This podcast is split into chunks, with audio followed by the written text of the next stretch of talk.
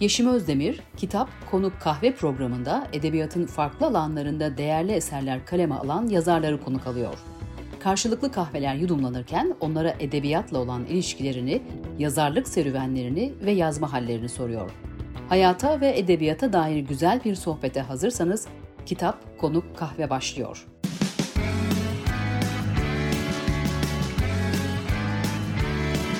Kulağınız bizde olsun. Kısa Dalga Podcast.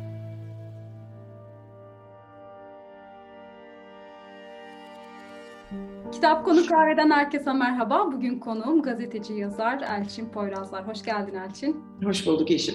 Nasılsın? Teşekkürler. Yoğun bir dönem. Kitap çıkıyor. Son romanım, beşinci romanım. O da polisiye. Okurlarla buluşacağım için de çok heyecanlıyım. Bir yazarın en bence iyi hissettiği zamanlar, okurlarıyla bir araya geldiği zamanlar. Ee, bunu gördüm. Somut bir şekilde eline almıştın. Tebrik ediyorum gerçekten. Üzerine evet. konuşacağız. Sağ ol. İlk defa o zaman elime aldım. İşte o da e, tuhaf bir duygu çünkü sizin kafanızda olan bir şey kağıda geçirdikten sonra onun bambaşka bir nesneye dönüşmesi, kendi halinde bir hayatı olması, serüveni olması, başka insanlarla iletişime geçiyor gibi olması gerçekten hem tuhaf hem de ne bileyim böyle çok heyecan verici bir şey. Yolu açık olsun diyelim. Geleceğiz. Teşekkürler. Bol bol konuşacağız. Ee, ama ondan önce senin biraz yazarlık serüveninden bahsetmek istiyorum. Diğer konuklarımızla da konuştuğumuz gibi. Bizim bildiğimiz yazarlık serüvenin 2014'te Gazetecinin Ölümü romanıyla başlıyor. Onun öncesi de vardır. Sen nasıl değerlendirirsin? Yazarlık serüvenin nerede başladı? İlk kitaplarına kadar biraz anlatır mısın? Tabii ki. Ben gazeteciyim dediğin gibi ve e, genellikle de yurt dışında çalıştım. Sadece kısa bir dönem Türkiye'de çalıştım. Cumhuriyetle başlayan e, yurt dışı muhabirliği serüveni pek çok yere götürdü beni. Başka yabancı gazeteciler, e, gazetelerde olmak üzere.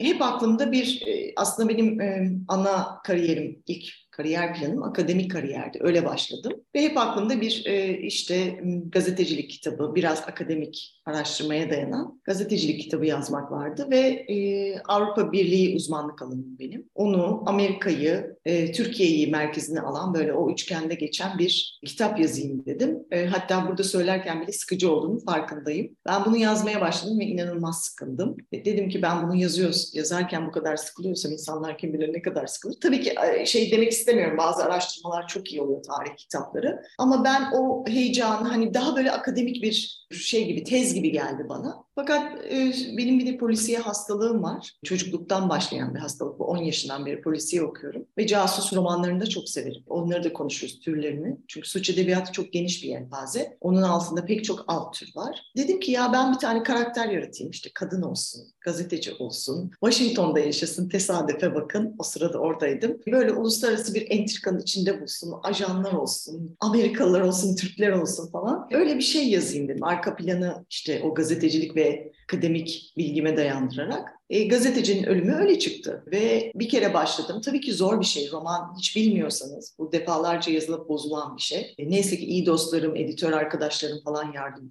etti. Ondan sonra çok hoşuma gitti. Çok kısa bir sürede yazdım onu. Zaten çok naif bir kitaptır o. o kimileri çok beğenir onu. Ama o ilk serüvenimin, serüvenimin şeyi oldu yani taşı değil, başlangıç noktası. E, ondan sonra da işte arkası geldi. Bunun tadına bir kere varınca da bırakılmıyor galiba. E, benim için polisiye öyle. Hep polisiye yazıyorum. Ardından Adnan Karamuska geldi 2016'da. Hı hı. Şimdi suç edebiyatında önemli bir isim Elçin Poyrazlar. Benim için şöyle Aa. önemli bir farkı var. Bu arada hiç suç edebiyatı ya da polisiye roman okumamıştım. Yani işte, Ay çok heyecan verici benim için. lise dönemlerimde okuduklarımı saymıyorum. Böyle hani neyi, neyi okumak istediğimi seçerek okuduğum dönemlerde hiç polisi okumak istemedim. Merakım da olmadı. İlk defa seninle bu kadar fazla polisi okumuş oldum. Çok sevdim ve şöyle bir farklı bir yere koydum. Çok güçlü kadın karakterler var. Hep e, diğer polisiye romanlarda kurban ya da işte daha farklı pozisyonlarda gördüğümüz kadın karakterlerden ziyade hani karakter diye bile bilemeyeceğimiz hikayenin bir yerinde bulunan kadınlardan ziyade çok güçlü kadın karakterlerin olması, ana merkezde olması kadın karakterlerin ve işte o cinayetlerin şifresini çözerken kadın karakterlerin de orada olması. Birincisi bu beni çok cezbetti. Öyle farklı bir yere koydum seni.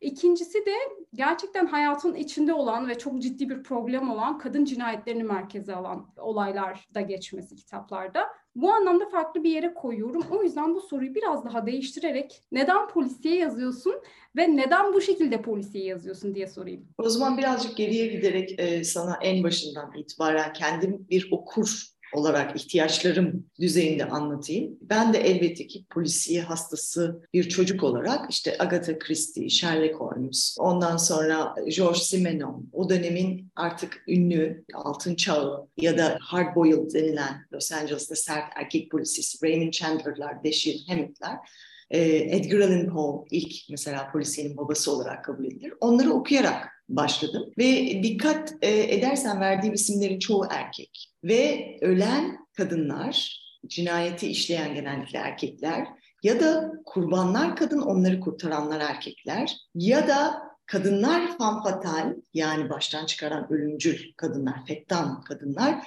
ama iyi olan yine erkek. Polis e, müfettişleri erkek. Bunda bir Agatha Christie ve birkaç tane istisna vardır. Agatha Christie muhteşem bir yazardır bu arada. Hiç hiç küçümsemiyorum. O dönem çok e, aşağılanmış olsa da polisiye tür olarak e, muhteşem bir kurgu ustasıdır. Ve şunu fark ettim ben yani son dönemde geldikten sonra 90'lar işte e, Türk polisiyesi öne çıktı sağ olsun Ahmet Ümit, Celil Oker gibi usta yazarlarla. Yani hep erkek soruşturmacılar, hep bıyıklı bunlar hep bazıları bıçkın, işte küfür ediyorlar, şöyle konuşuyorlar falan filan. Mesela Esmahan Aykol'un farklıdır. Orada işte Cathy Hirsch vardır, o da bir kadın kitapçıdır. Orada cinayetler çözer falan. Böyle tek tüktür yani. Ondan sonra dedim ki ben çok sıkıldım bunları okumaktan. Ben bir dedim böyle kadın okumak istiyorum ve kadın bakış açısıyla yani ve belli şablonlara e, sığmayan bir kadın yani işte ya e, kurban ya e, fettan kadın ya da işte kutsal bakire yani kurtarılması gereken. Yani hataları olan, e, kafası karışan, gerçek hayatı yaşayan ve genel yani hiçbir kadın ne o kadar kötü ne o kadar iyi. Bizim gibi ortalama bir e, karakter olsun dedim. Ve gazeteci çünkü gazetecilik işime geldi. Soruşturma yürütebilmesi lazım amatör olarak. Tabii ki pek çok meslekte yapabilir ama Washington'da da bunun işe yarayacağını düşündüm. Çünkü ilk oraya yazmak istiyordum. Dediğim gibi sana uluslararası şey entrika kurarken ve ilk karakterim öyle Selin Uygar öyle başladı. İkincisi de Selin Uygar macerası. O da İstanbul'da geçiyor. Bu sefer Washington'dan kaçıyor işte casuslardan, e, karanlık devlet güçlerinden falan. Sonra 2012'de e, şöyle bir akım başladı dünyada suç edebiyatında. Domestik noir türünde. Buna aslında o dönem chick noir demişlerdi ve chick noir birazcık cinsiyetçi bir terim olduğu için domestik noir'a çevirdiler. Bence hala domestik noir da biraz e, tuhaf bir terim. Bu da kara roman yine türünde diyeyim yani suçun alt türünde ama kadını merkeze alan, kadın odaklı. Yani kadın katil de olabilir, kurban da olabilir, kadının e, diğer ilişkilerini kendi hayatı ve kendi kaderi üstünden yorumlayan, yani bir erkeğin bakışı ve belli şablonlara sokmadan e, yapan bir tür. Ve ben bayıldım buna. Mesela Gone Girl, Kayıp Kız buna bir örnektir. Mesela Trendeki Kız buna bir örnektir. E sonra bunun çok dalgasını da geçtiler o 10 yıllık sürede işte e, parodi e, Trendeki Kız artık penceredeki kadına bakıyor gibi böyle komik komik e, şeyler çıkardılar kurmaca. Ve dikkat ederse mesela şeyde onlardan biri, o da muhteşemdir. E, Ejderha Dövmeli Kız, onunla başladı İsveç, e, İsveçli yazarın. Ve muhteşem bir e, döneme girmiş oldu. Tabii ki zamanın ruhuyla da ilgili bir şey bu. Me Too hareketi de biraz bunu hızlandırdı. Kadın karakterlerin daha öne çıktığı diziler, filmler, özellikle suç, özellikle soruşturma konusunda ve ben de herhalde o dalgaya kapıldım. O da hoşuma gitti orada olmak, onları yazmak. Sonra da Mantolu Kadın geldi 2018'de. O da tam olarak bu işte domestik noir. Ee, iki kadının dayanışması ve dostluğu üzerinden cinayi bir öykü. Çok detay vermiyorum ama okundu bayağı e, yorumlar yapıldı bununla ilgili. Ama psikolojik şiddete dayalı yani kadına yönelen şiddetin pek çok türü var. Onun üstünden bir hikaye ve oradan sonra da işte başka bir kapı açıldı. Ecel Çiçekleri daha sert 2021'de geldi biliyorsun. O çok daha kadın cinayetlerine göze parmakla şey gibi gösteren bir roman gibi diyeyim. Onda biraz da manifesto özelliği var. O da tamamen Türkiye'nin son yıllardaki durumuyla ilgili. Yani sistematik bir katliam kadınlara karşı olduğu için onu görmezden gelemezdim. Bir suç e, yazarı olarak bunu görmezden gelmek bana birazcık lüks geldi. Bir de yazarlar kendi rahatsızlıklarını yazar, rahatsız dertlerini yazar. Bu da benim dertlerimden biriydi. Yani siyasi de bir durum. Benim romanlarımda her zaman siyaset var. E, Ecel Çiçeklerinden sonra da işte yeni, çok daha taze Kayıp Yüz geldi. O da sen de okudun biliyorsun. O biraz daha farklı bir kadın yapılanması diyeyim. Yine birbirleriyle ilişkiler var. Orada da yedi kadın e, ön plana çıkıyor. Ama şu şeyle yazıyorum her zaman. Kadınlar her şey olabilir, her şeyi yapabilir. Katil de olabilir, seri katil de olabilir, kurban da olabilir. Yani bunun e, belli bir hiyerarşide ya da belli bir şablonda ya da kafese sıkıştırılarak yapılmasını istemiyorum. O kafesleri kırmamız gerekiyor. Ve edebiyatla da, diğer alanlarda da işte bilimle de yazının da buna iyi bir yol açtığını düşünüyorum. Bir teknik soru sorup sonra şeyi kayıp yüze geçeceğim. E, kayıp yüzden sonra Ecel Çiçeklerini de konuşuruz. Şimdi polisiye yazmanın muhtemelen zorlukları vardır. Çok araştırma gerektiriyordur, farklı şeyler gerektiriyor, gerektiriyordur. Onları sana soracağım ama bir de ben okurken şöyle bir şeye kapıldım. Mesela otopsi yapılıyor ya da işte bir olay yerine gidiliyor orada teknik bir şeyler konuşuluyor. İşte önce diyelim ki cinayet büro gelecektir, başka bir şey yapılacaktır. Belli bir prosedür işliyordur orada. Bütün bu teknik bilgileri okurken şey diyorum ya bunun bilgisini nasıl şey yaptı, nasıl araştırdı, nasıl öğrendi? Her yazar araştırma e, yapmak zorunda değil elbette ama ben polisiyenin araştırma yapılmadan yazılmasını çok zor buluyorum. Yani yapanlara bravo. E, hata olur. Maddi hata çok önemlidir. Polisiye okuru çok dikkatlidir, çok talepkardır. Sizden yani gerçekten çok böyle titiz bir çalışma bekler. Ee, şimdi ben sezgisel bir yazar değilim yani böyle vahiy iner gibi işte bu fikir geldi ben de onu klavyede kağıda döktüm diyemem. Ben her şeyi baştan kuruyorum. Yani kurbanı biliyorum, katili biliyorum, motivasyonu biliyorum, cinayet motivasyonunu, aradaki karakterleri, yan karakterleri biliyorum. Nereden nereye, A noktasından D noktasına nasıl gideceğini biliyorum. O her zaman B ve C olmayabilir, E'den de dönebilir. Ama orada bir mekanizma kuruyorum ve polisiye tabii ki çok özel bir tür olduğu için bunu yapmazsanız biraz şey yapabiliyor, yalpalayabiliyor. Yani temposunu kaybedebiliyor ya da e, karakter mesela çok derin karakter incelerseniz e, kurgudaki örgü şeyini, akışını kaybedebilirsiniz ya da romanın sonunda çözüme ulaşamayabilirsiniz. Yani bu böyle çok ince bir işçilik gibi geliyor bana polisiye. O yüzden de araştırmayı daha yazmadan önce yapıyorum. Diyelim ki zehirler konusunda e, şey yapmam gerekiyor, bilgi almam gerekiyor. Ama siz onu zaten hissetmiyorsunuz. Ben oraya size demiyorum 20 sayfalık zehir araştırması yaptım. Onu sadece belki bir cümlede, belki bir paragrafta görüyorsunuz. Onu romanın içine yedirmek, işte belki birinin ifadesinden anlamak daha iyi oluyor tabii ki romanda. İşte araştırmamı yapıyorum. Mesela adli tıpçılar buluyorum. Bir karakter nasıl konuşur? İşte ruh hastası ya da psikolojik sorunları olan bir kadın ya da erkek. Çünkü cinsiyetler arasında da farklar var. E, nasıl davranır? Bunlar için psikiyatrlarla konuşuyorum. E, polis teşkilatındaki rütbeler, aralarındaki ilişkiler, birbirleriyle olan temasları, yarışlar, e, bunları emniyet müdürü kaynaklarım var, arkadaşlarım var, onlarla konuşuyorum. Mümkün olduğunca uzmanına sormaya çalışıyorum. Bir de şey yapmaya çalışıyorum elbette. Yani ben, bütün kadınlar aynı değildir. Ben de bütün kadınları biliyorum diyemem. Hele hele bir katilin ruh haline girmek, yani o psikozu yaşamak mümkün değil. Ama erkekleri daha az bildiğimi düşündüğüm için bazı bölümlerde de erkek karakterleri erkeklere soruyorum. Tabii burada sınıfsal farklılıklar da önemli. Ama bir erkek böyle konuşur mu? Ya da bir erkek böyle düşünür mü? Şimdi bir kadın bir hamle yaptı. E, diyelim ki cinsel bir durum var ortada. Erkeğin karşı hamlesi nasıl olur gibi. Bu şey hemen geri gelmişken söyleyeyim. Yani Kayıp Yüz kolay olmadı benim için. Çünkü sen de okudun. Çok katmanlı bir roman. Yani üç ayrı çizgiyi birbirine bağlamaya çalışıyorum sonunda. E, editörüm Hülya Balcı'ya da buradan çok teşekkür ederim. Çünkü ikimiz bayağı kafa patlattık üstünde. Şöyle olursa böyle mi olur gibi.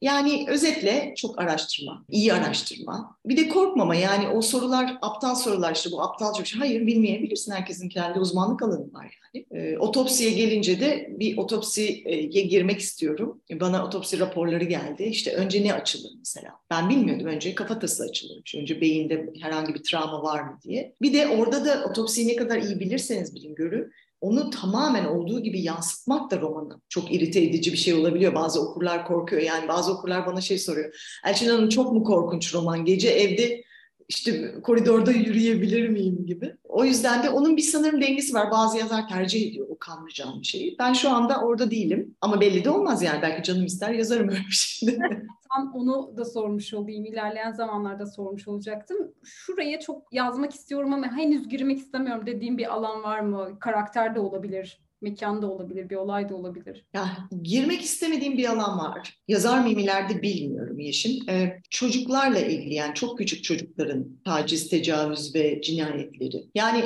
bir anne olarak onu kaldırabilir miyim bilmiyorum. O çok e, büyük bir e, acı ve şey dehşet, vahşet olduğunu düşünüyorum. Orada e, sanki biraz okurun duygu sömürüsünü kullanıyor gibi mi oluyor bazı yazarlar diye düşündüğüm oluyor. Hmm. Bir e, Fransız yazar vardı Leyla Slimani, işte Goncourt ödülünü aldı 2016'da. E, Lullaby e, diye İngilizce çevirmişlerdi şey Ninni. Amerika'da gerçek bir olaydan esinlenerek yazmış ama yani tamamen kurgulaştırmış onu. E, Amerika'da yaşayan, yani bunu Fransa'ya uygulamıştı bir kadın. Amerika'da bir bakıcı işte 5 ya da 6 yaşın altında 3 tane çocuğu, baktığı çocuğu öldürüyor. Ve büyük bir vahşet, büyük bir olay. O, ona herhalde pek girmek istemiyorum ama gördüğün gibi yani yine çocuk, çünkü 18 yaş altı da çocuk. Yine çocuk, çocuk tacizleri, çocuk hakları, kadın hakları, dezavantajlı grupların hakları konusunda yazıyorum. Zaten ben bunları gazetecilikte de yazıyorum. Bütün gün bunun içinde olunca herhalde beyninin bir yerinde yer ediyor o isyan duygusu. Yazmak e, işe yarıyor mu dersen onu bilmiyorum. Onu ayrıca konuşuruz. O da bambaşka bir e,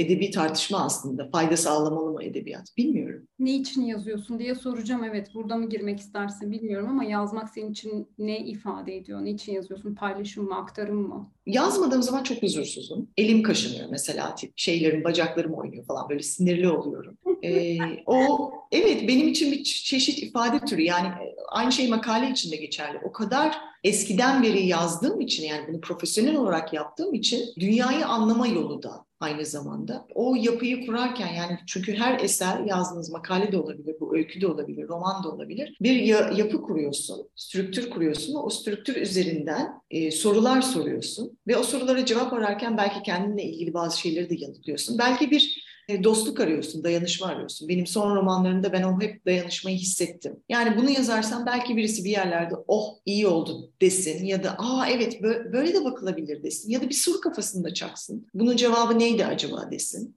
Böyle yazılmıyor tabii ki ama ben kendimle ilgili soruları sorarken e, onu biraz da böyle çevremdekilere, okumak isteyenlere göndermiş oluyorum o soruları. O sorularda hayatla ilgili sorular, karakterlerimizle ilgili sorular, değişimle ilgili sorular, kadın olmakla ilgili sorular ve bunlar hep güncel. Yani e, eminim sabah kalktığında her şey e, böyle dümdüz ilerlemiyor bir noktada. Ya ben bunu neden yapıyorum ya da bu kişi bunu neden yaptı bana diye. O neden sorusu, o merak yani hayata yönelen merakla ilgili bir şey. Mesela ben çok sinirli olduğumda mesela birisiyle kavga ettim diyelim ki yazarım hmm. konuşmaktansa. Çünkü bana konuşmak daha sert geliyor. Daha uçucu geliyor ve daha e, kırıcı olabilirim diye düşünüyorum. İşte orada yazdığım zaman daha kontrollü olduğumu hissediyorum. Kontrol etmekle ilgili bir şeydir bilmiyorum. Peki şimdi kayıp yüze geçelim. Hı hı. da paylaşmış olalım. Ee, şimdi kayıp yüzdeki karakterler e, biraz ondan önce bahsedeyim. E, Ecel Çiçeklerinde yani bir önceki romanında ona da geleceğiz sonra. Bir önceki hı hı. romanındaki karakterlerin başka hikayelerde, başka evet. e, olduğunu görüyoruz. İşte Suat Zamir karakteri, e, Tilki, Tikli Kadri, Nezahat Er Yılmaz yani Karanezi Karakterleri böyle saymamda bir sakınca yok değil mi? Yok yok tabii ki. Selim Belen var yine. Bir çiçeklerinden bildiğimiz Engin Atay var. Bir de yeni e, Beren Bahar yeni bir e, karakter, yeni bir polis ekleniyor. Şimdi bu karakterler yeni bir e, olayın içerisinde, yeni bir maceranın içerisinde. Bu yüzden biraz Ecel Çiçeklerin tadında bir şey e, okuduğumu hissettim ama hı hı. şurada ayrılıyordu bence. Önce onu konuşalım istiyorum. Şimdi diğer romanlarında da biraz biraz değindiğin bir meseleye çok daha derinlikli de, e, de, değiniyorsun. Çok daha apaçık. İşte polis teşkilatının ilişkili olduğu suçlar. Hı hı. Yani alenen bunu e, alıyorsun biraz merkeze. Hı hı. İşte cinayetler zinciri var. Buradan hareketle tabii ki hani hem bir gazeteci olarak da buna cevap verebilirsin. Bildiğimiz yeni bir şey değil elbette. Hani polis teşkilatının bulaştığı suçlar, devletin baskı aygıtlarından polisin durduğu yer. Bununla ilgili ne söylemek istersin? Bunu bu arada romanına alırken ne, ne düşündün? Yani ben biliyorsun suçu yazıyorum. Suçu işleyen ne kadar büyükse ve güçlüyse suçun cezası o kadar az oluyor. Mesela savaşlara bak, katliamlara bak, e, soykırımlara bak çocuklara karşı işlenen genelde dünyadaki suçlara var. Açlık. Bunlar genellikle devletlerin, büyük şirketlerin işlediği suçlara var. E, gücü ve imtiyazı elinde bulundurulan grupların işlediği suçlar genellikle cezasız kalıyor ya da yıllar sonra ortaya çıkıyor. Yani bunu e, küçük insanlar, küçük insanlar derken aşağılamak için söylemiyorum. Tırnak içinde önemsiz görülen sıradan insanlar e, ortaya çıkardığında biz görebiliyoruz. Elbette ki kişisel suçlar var. Yani kişisel olan politiktir. Her zaman birilerinin işte adi suçlar deniyor onlara ya kayması normal. Ben onda bile toplumla ilgili bir yani düzenle ilgili bir sorun olduğunu düşünüyorum. Çünkü yokluk varsa, yolsuzluk varsa, büyük haksızlıklar varsa, adaletsizlikler varsa insanların kendilerini hayatta e, tutabilmeleri için belli yollara başvurmaları çok e, çok da şaşırtıcı gelmiyor. Ama eğer bu e, organize düzeyde yani şiddet yapının içinden geliyorsa onu kim ortaya çıkaracak? Onu çıkaracak kişiler ya bunların mağdurları ya gazeteciler yani eğer özgür bir medya olduğunu düşünüyorsak ya da içerideki vicdanlı insanlar. Bunları kabul etmeyecek insanlar. İşte burada da o vicdanın bir parçasını ben Suat Zamir'e koydum. Yani bunu çünkü ona öyle bir şey teklif ediliyor. Yani sen diyor kahraman olacaksın. Kabul et. Kulağın üstüne yat. Böyle bir teklif ediliyor. Ama o vicdanlı insanlar sayesinde, o dediğimiz küçük insanlar sayesinde bence adalet birazcık olsun yerini buluyor. Burada sadece Türkiye devletinden bahsetmiyoruz. Pek çok devletin suçu var. Ee, geçmişte de suçları var ve hala kabul etmiyorlar, özür dilemiyorlar. Büyük katliamlardan bahsediyorum, soykırımlardan bahsediyorum. Bunu yazarak hani bir yere varıyor musun dersen sanmıyorum. E, ama benim için önemli. Yani cezasızlık olan yerde benim bir derdim var. O cezanın nasıl karşılık bulması, o adaletin nasıl getirilmesi konusunda ben tabii ki bir formül sunmuyorum. Sadece insanların kafasında evet böyle de bir durum var ama ben bu konunun neresindeyim ve ne yapabilirim belki derlerse benim yapabildiğim bu. Benim yapabildiğim yazmak. Çünkü ben şiddete karşıyım. Ee, işte kimisi diyor ki ben işte devrim yapacağım, çünkü elime silah alacağım, işte vuruşacağım falan ya da savaşa gideceğim ülkemi savunmak için. Ya da alt gruplar işte bu bilgisayar hackerları hackerları yani onlara katılacağım, öyle siber saldırılar yapacağım. Bu benim tarzım, ben böyle kendimi ifade ediyorum ve herhalde o mücadeleyi de yani benim kendi küçük zavallı mücadelemi de böyle veriyorum ancak yazarak. Başkaları okuyunca da sanırım orada böyle bir ortaklık, e, bir e, dayanışma hissediyorum. Ama devletler genellikle hani suçlarını saklamayı sever. Çünkü bunun cezaları büyük olur diye düşünürler ama bir, her, her seferinde de kurtulurlar. Birkaç kişi ceza alır ama e, gerçek güçlüler almaz cezayı. Oku, dinle, izle. Kısa Dalga Şimdi yazarlardan alıntı istediğimiz bir yer vardı. E, istersen senin alıntını tam buradan alalım. Çünkü hani kayıp yüzden konuşuyor. Sonrasında ben de kayıp yüzden bir alıntı yapacağım. Kayıp yüzü e, üzerine koşmaya devam ederken önce alıntını alalım istersen. Tabii ki. Ben bir e, bilinç akışı bölümü var. Oradan aldım. Bir kadının duyguları, duygu dünyası değil. O zaman başlıyorum okumaya. Tamam. E, seni asla paylaşamam. Bir erkek gözü değse sana çıldırırım. Böyle demişti. Kimseyi görmüyorduk oysa. Kendi hayatımızda kapalı perdeler, kapalı kapılar ardında yaşıyorduk. Onun işi sadece ona aitti. Bense hasta, geride kalan uysal kadındım. Çiftli görüşmek isteyenlere hep aynı bahaneyi sunuyordu. Maalesef rahatsız. Bir keresinde markette eski semtten bir tanıdıkla karşılaştım. Kadın sürekli bana bakıyordu. Çıkaramıyordu kim olduğunu. Sonunda ışık yandı kafasında. Sepeti bırakıp seri hareketlerle yanıma geldi. Az kalsın tanıyamayacaktım. Nasılsınız? Tanınınca yakalanmış gibi hissettim. Suçlu gibi. Yüzünüz dedi lafını bitirmeden. Doktor öyle uygun gördü dedim değişikliği tıbbi nedenlerle açıklamak için. Pek güzel dedi kadın yarım ağızla. Gençleşmişsiniz. Ben de alnıma botoks yaptırmak istiyorum. Acıyor mu? Etime saplanan iğnelerin, yüzümü kesen bıçakların, içimi delen boruların ağrılarını anlatmadım kadına. Gitmem gerekiyor dedim. Kusura bakmayın acil bir işim var. Sepeti yere bırakıp ayrıldım oradan. Kadının arkamdan konuşacağından şüphem yoktu. Nasılsa tanımıyordum onları. Ben de tanınmayacak haldeydim. Evet, ne söylemek istersin bunun üzerine? Ee, hiçbir şey söylemek istemiyorum çünkü okurlara bırakmak istiyorum. Benim söylediklerimin hiçbir değeri yok. Onların tecrübeleri çok e, değerli bence romanla. E, ama şunu söyleyebilirim, ben e, kadın karakterleri çok daha ilginç buluyorum.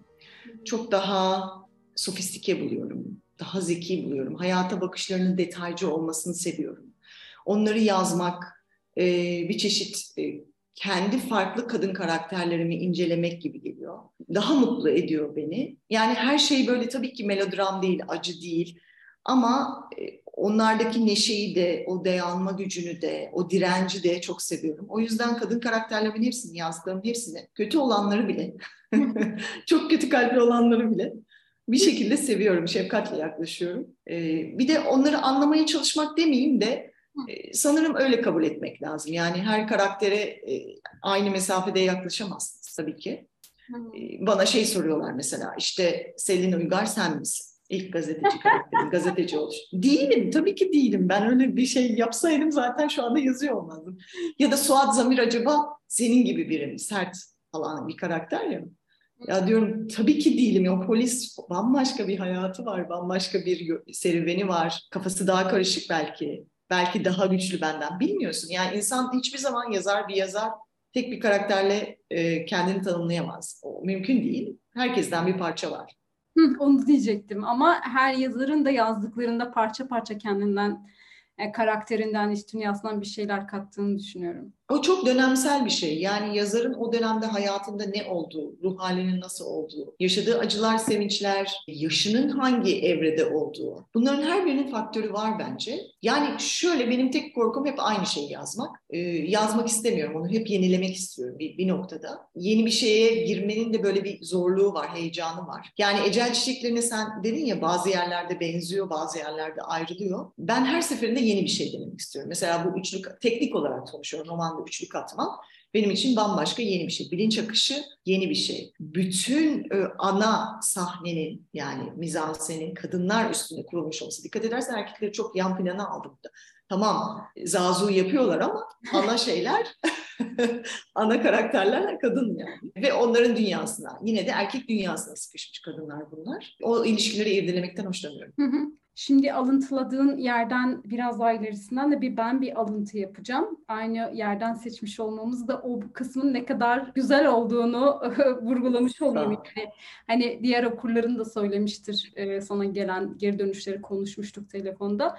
Biraz daha uzun olsaymış keşke demişler. Ben de öyle hissettim okurken. Şimdi biraz daha e, farazi konuşuyoruz gibi oldu okumayanlar için hani kocasının talepleriyle sürekli estetik ameliyatlar, hmm. estetik operasyonlar geçiren bir karakterimiz var. Ondan bahsediyoruz ve hani aslında istemediği halde e, o estetik operasyonları geçiriyor ve her defasında e, işte kayıp yüz, yüzü kayboluyor yani kendinden hmm. uzaklaşıyor, kendini kaybediyor. Şimdi ben de oradan bir alıntı yapacağım. Çenemin iyice iyileşmesinden sonra yeni yüzümle karşısına çıktığımda gözlerinden arzu geçti. Çok güzel olmuş dedi. Divanda yan yana oturuyorduk, saçımı okşadı. Daha da güzel olacaksın dedi. Tıp harikalar yaratıyor. Ben itiraz etmeye hazırlanırken gel deyip beni yerimden kaldırdı. Yatak odasına götürdü. Yavaşça soydu ve göğüslerimi okşadı. Acı çektiğini biliyorum diye fısıldadı. Emin ol, bunların hepsinin karşılığı olacak.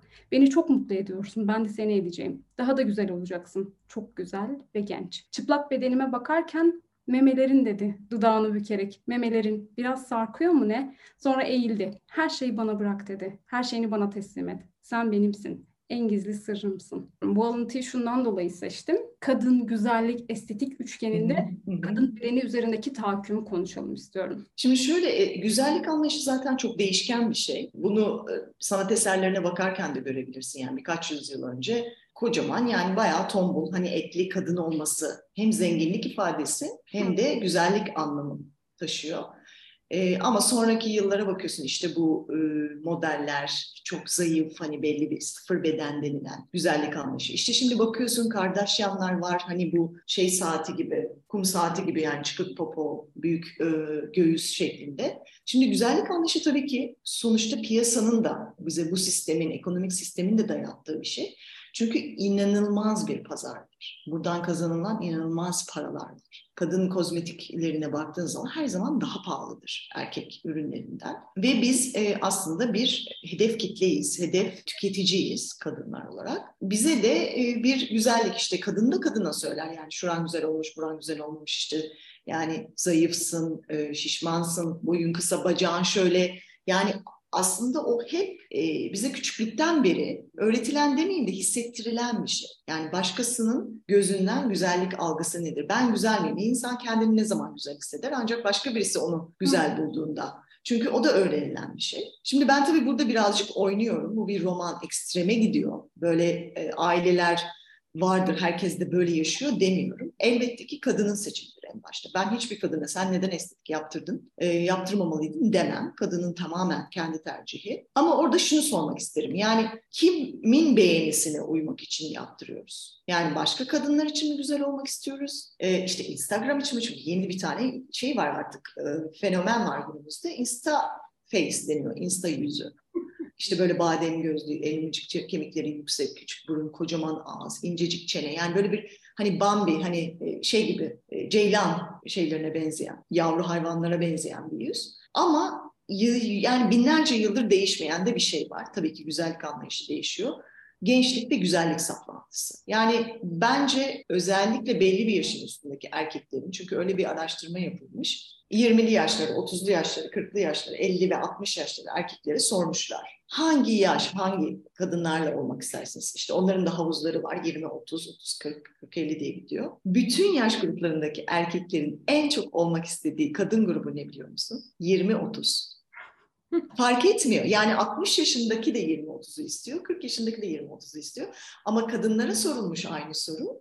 Kadınlar kendi kutusunun içindeki erkekleri seçmiş. Hmm. O er, o yaştaki erkeklerle olmak isterim gibi. Bu bana çok ilginç gelmişti. Yani böyle bir genel yani erkeklerin arasında genel bir gençlik şeyi var. Bunun evrimsel olduğu söyleniyor. Çünkü gençlik eşittir doğurganlık. Hani o, oradan bir e, soy üretme hani içgüdüsü gibi geliyor.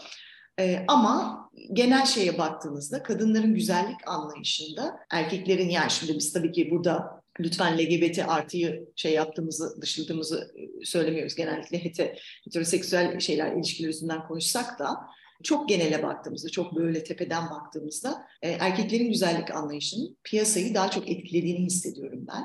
Ve orada da kadınların, yani her kadının değil tabii ki, e, birazcık o beğeniye uymak için kendilerini değiştirmeye açık olduklarını hissediyorum. Ama elbette ki kadın kendini öyle de hissediyorsa, güzel hissediyorsa çünkü o kitapta öyle de bir e, bölüm var biliyorsun işin. Yani vay be diyor güzel ben dışarıdan baksam ben aslında güzel bir kadın oldum ve parayla paranın Her şey yapamayacağı şey alamayacağı şey yokmuş diyor. Yani bunu da kabul ediyor. Çünkü gerçekten şimdi tıp o kadar ilerledi ki müthiş estetik ameliyatlar var. Anlamıyorsunuz bile. Ama tabii ki ben biraz onu parçaladım, böldüm. Ruh sağlığı yerinde olmayan bir kadına devrettim diyeyim. O yüzden de tahakküm demiyorum. Elbette ki bir piyasanın şeyi var, baskısı var. Genellikle de erkekler olduğu için o anlayış öne çıkıyor bence. Ama e, kadınların da kendi güzellik anlayışlarını, kendi estetik işte kendi bedeniyle barışık olma. Yani evet oran birazcık büyük, oran birazcık küçük, oran birazcık dar. Yani ne olacak? Yani tamam. Hı. Çünkü kimse o bizim gördüğümüz, ekranda gördüğümüz kadınlara ulaşmıyor zaten. Hı, yani mesela Audrey Hepburn'un çok güzel bir lafı vardır. Çok severim ben onu. En güzel kadın mutlu kadındır diye. Çünkü o zaten hissedilir. Yani kendi bedeni içinde mutlu olan, iyi hisseden bir kadının yüzü de güzeldir. Ama bu beden ve işte belli bir standartta olma, belli bir güzellikte olma, gözünün şöyle olması, saçının böyle olması, modaya uyma. Mesela modaya uyma da bir güzellik baskısı aslında. Doğru doğru. Ee, o yüzden öyle bir genel şey olduğunu, e, ittirme, itici güç olduğunu kabul ediyorum. Şimdi buradan Ecel Çiçeklerine geçmek istiyorum. Bir önceki romanın Ecel Çiçeklerine. Oradaki karakterlerden biraz konuşmak istiyorum ama öncesinde de şunu sormak istiyorum. Şimdi Ecel Çiçeklerini okurken de ilk hissettiğim duygu olmuştu. İşte kayıp yüzü okurken de. Hani konunun başında, sohbetin başında şey demiştik ya, kadın cinayetlerini merkeze alan bir şey yazıyorsun. Aslında güncel bir sorunu taşıyorsun oraya. Hani cinayet hı hı. yazarken çok gerçek bir şey var ve bizim hani e, ciddi mücadele etmemiz gereken e, bir politik sorun var. Cinayetlerin nasıl işlendiğinin bütün detaylarını, vahşice bildiğimiz o bütün detayları, isimlerini bildiğimiz o cinayetleri, işte her gün haberlerden takip ettiğimiz o cinayetleri yazıyorsun. Ve bu kadar gerçek bir şeyi kurgulaştırırken bu çok zor olmalı diye düşünüyorum. Yani bunu kurguya dökmenin, e, çok gerçek bir şeyi bu kadar derinden yaşayıp bunu kurguya dökmenin bir ağırlığı olsa gerek diyorum yani. Bu yükü nasıl hafifletiyorsun? Hafifletmiyorum. Hafifletmek de istemiyorum. Çünkü o ayada kadınların yaşadığı vahşet ve dehşet son anları bizim onları oku, okumamızın yani yüz katı benim onu yazmamın bin katı belki. O kadın onu yaşamış zaten yani hep onu söylüyorum. Kurgu daha şefkatli gerçekten. Gerçek çok daha vahşi. Hele Türkiye gibi e, Orta Doğulu bir e, coğrafyanın getirdiği o baskı ve vahşet kadınlar için çok daha büyük bir yük. Yani benim yüküm ne olacak ki? Ben yazmışım onu. Başkaları okuyacak. O da belki sinirlenecek. Belki hüzünlenecek. Ama belki bir noktada 30 yıl sonra kadın cinayetleri olmayacak. Belki o kadar iyi bir ceza sistemi gelecek ki e, caydırıcılık sistemi gelecek ki engellenecek. Ha Avrupa'da yok mu? Amerika'da yok mu? Elbette ki var. Ama orada şu var, şu fark var. Cezasını alıyor. Ha kaçanlar yok mu? O da var. Her istisna vardır. Kurallar istisnalardan oluşur. Şeyde genel hukuk sisteminde oluşur yani. İyi ispatlayamaz, işte diyor şeyi bulamaz. E, ne bileyim delilleri iyi bulamaz, polislik görevini iyi yapamaz falan filan. Ama tabii ki yazarken çok e, başım ağrıdı. Başım ağrıdı derken kelime anlamıyla söylüyorum. İnsanın kalbi ağrıyor, başı ağrıyor, üzülüyor. Ama o kadın zaten yok edilmiş, bir sayıya dönüşmüş. Anıt Sayaç'ta bir isim olarak kalmış. Ee, birkaç gazeteci ve birkaç gazete dışında onları tekrar tekrar anıp dönenler yok. Ben tabii ki hani romanın bir misyonu olmalı, edebiyatın bir misyonu olmalı demiyorum. Ama ben bu romanı onlara ithaf için yazdım. Gerçek bir Türkiye'de peki böyle bir polis olsaydı acaba ve böyle katiller olsaydı belki de böyle biz kurgulasaydık o zaman adaleti nasıl konuşacaktık diye soru sorarak yola çıktım. O yüzden de e, tabii sert oldu. Sert bir roman kabul ediyorum. Bir arkadaşım da şey dedi yani bu hani kimiler işte feminist bir polisiye falan diye tanımladı ama bir arkadaşım da şey dedi bu bir suç romanı. Doğru bu bir suç romanı. Bir suçun romanı ve polisiyenin bence en önemli özelliklerinden biri dönemin suçlarına ışık tutması. O toplumun suça bakışına ve onu nasıl cezalandırdığına işaret vermesi. O konuda işaret çakması gibi geliyor. Şimdiki derdim bu. Umarım 30 yıl sonra bunlar konuşulmaz. Biz bambaşka polisiyeler yazıyoruz. Umarım.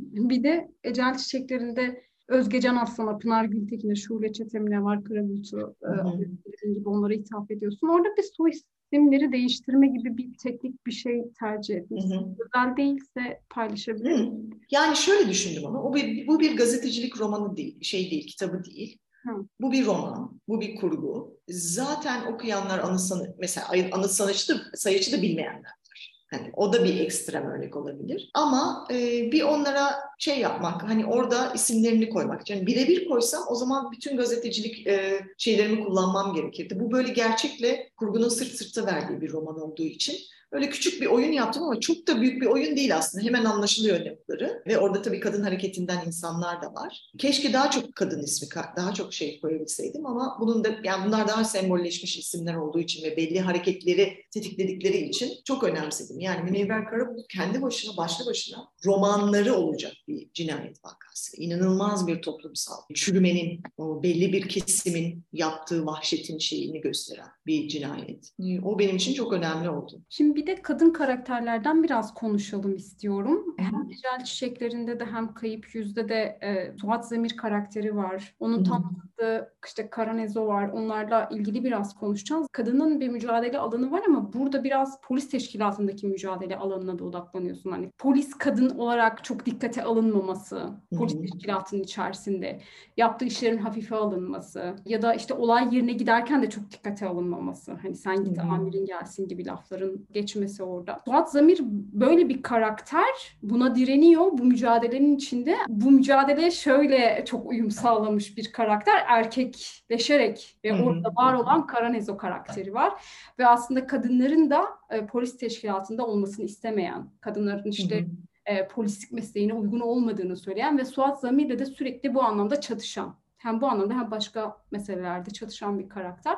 Bu iki karakter üzerinden biraz kadın karakterleri konuşabilir miyiz? Tabii ki. Çok özet cevap verecek olursam hiçbir şey siyah ya da beyaz olamaz. Mutlak olamaz. Her şey gri alanlarda ve tuhaf bölgelerde ilerler. Bütün duygularımız ve karakterlerimiz. Hepimizin içinde biraz erkek, biraz kadın, belki biraz eşcinsel, belki bir, bilmiyorum bir şeyler var. E, cinsiyet de öyle bir şey, kimlik de öyle bir şey. Cinsel yönelimlerimiz de öyle bir şey. Şimdi polis teşkilatı geleneksel olarak çok erkek bir yer. Erkek yoğun bir sektör. Yani 100 yıl öncesine kadar zaten bütün sektörler erkek oldu. Yani ben e, bunu arkadaşlarımdan duyuyordum. İşte babası diyor ki kadınlara uygun bir meslek, işte çocuğuna bakabileceğim bir meslek. İşte atıyorum öğretmen ol, hemşire ol, işte akademisyen ol. Yani böyle hani çok da aile hayatını etkilemeyecek bir şey ol gibi.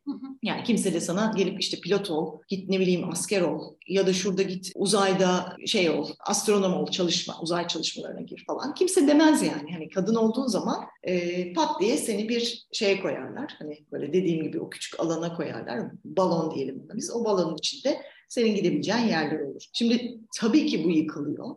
Tabii ki dönem, zamanın ruhu bunu gerektiriyor. Yıkılacak birkaç yüzyıl geçmiş arada. Ama hala egemen e, orayı yöneten kişiler ağırlıklı olarak erkek ve daha az kadınlar. Şimdi eğer işini seviyorsan, yani gazetecilik de böyleydi. Yani ben işe girdiğimde ilk bana şefim şey demişti, sakın çocuk yapma dedi. Yani Anlatabiliyor muyum? Yani o, o eğer yaparsan kariyerini engellersin.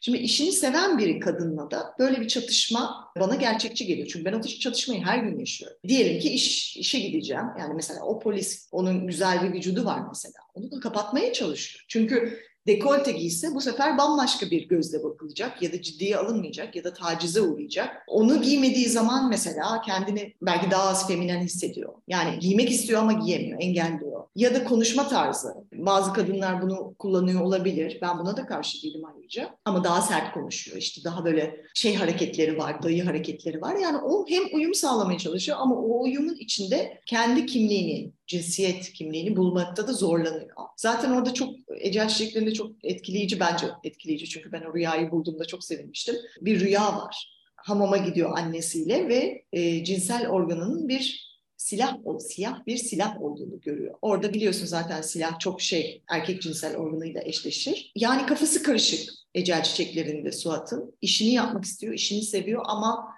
belli kendinden belli kimliklerinden vazgeçmesi gerektiği düşünüyor. E, o Karanezi onun en ekstra, en aşırı örneği. Yani iyice olmuş örneği o. Ama kendi hayatımızda da yok mu? Yani çok erkeksileşmiş, çok hayata erkek bakan, dişil tarafını kaybetmiş. Burada dişil derken sakın o cinsellik olarak anlaşılmasın. Daha kadın şeyinden odaklı bakan, hmm. kadınlara daha şefkatli yaklaşan ve onları yargılamaktan çok hani anlamaya çalışan o taraf yok oluyor pek çok kadında. Bence bu çok kötü bir şey, acı bir şey. Ama e, onlar da var olmak için belli bir sektörde ya da belli bir çevrede var olabilmek için e, yapıyorlar. Çünkü nedir? Ya o balonda kalacaksın, kafan ezilecek ya da erkekler gibi olacaksın ama şey yapacaksın. İşte o ara yer var ya biz o ara yerde alan açmaya çalışmalıyız. Ee, ben bunu bir feminist olarak söylüyorum ve o alanı genişletmeliyiz yani biz ya o ya o olmamalı kadınlar. Karakterler de bence bunun çatışmasını yaşıyor. Umarım verebilmişimdir ben o çatışmayı ama ikinci Suat Zamir e, macerasına yani kayıp yüzde Suat daha öfkeli. Birincisine daha kafası karışık. Çünkü bazı haksızlıklara maruz kaldığı için kadın olmasından dolayı e, daha öfkeli bir karakter. O yüzden de hareketleri biraz daha e, hedef odaklı. Orada daha sert, burada daha stratejik düşünmeye çalışıyor. En azından ben öyle kurguladım. Umarım öyle anlaşılıyordur. Öyle öyle. Ee, benim sorularım bitti. Çok güzel bir sohbet oldu Elçin. Kaçırdığımız bir şey olduğunu bilmiyorum. Eklemek istediğim bir şey var mı ama. Hayır çok zevk aldım. Çok teşekkür ederim. Kitaptan tabii ki polisi olduğu için çok fazla şey veremiyoruz.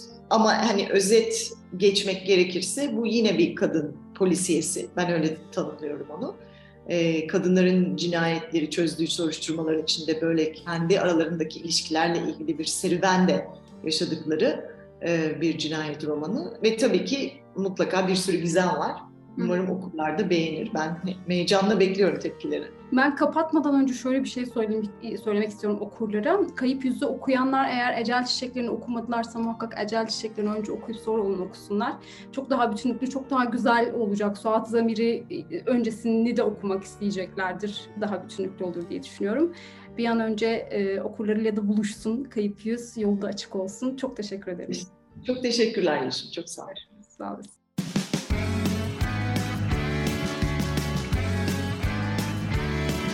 Kulağınız bizde olsun. Kısa Dalga Podcast.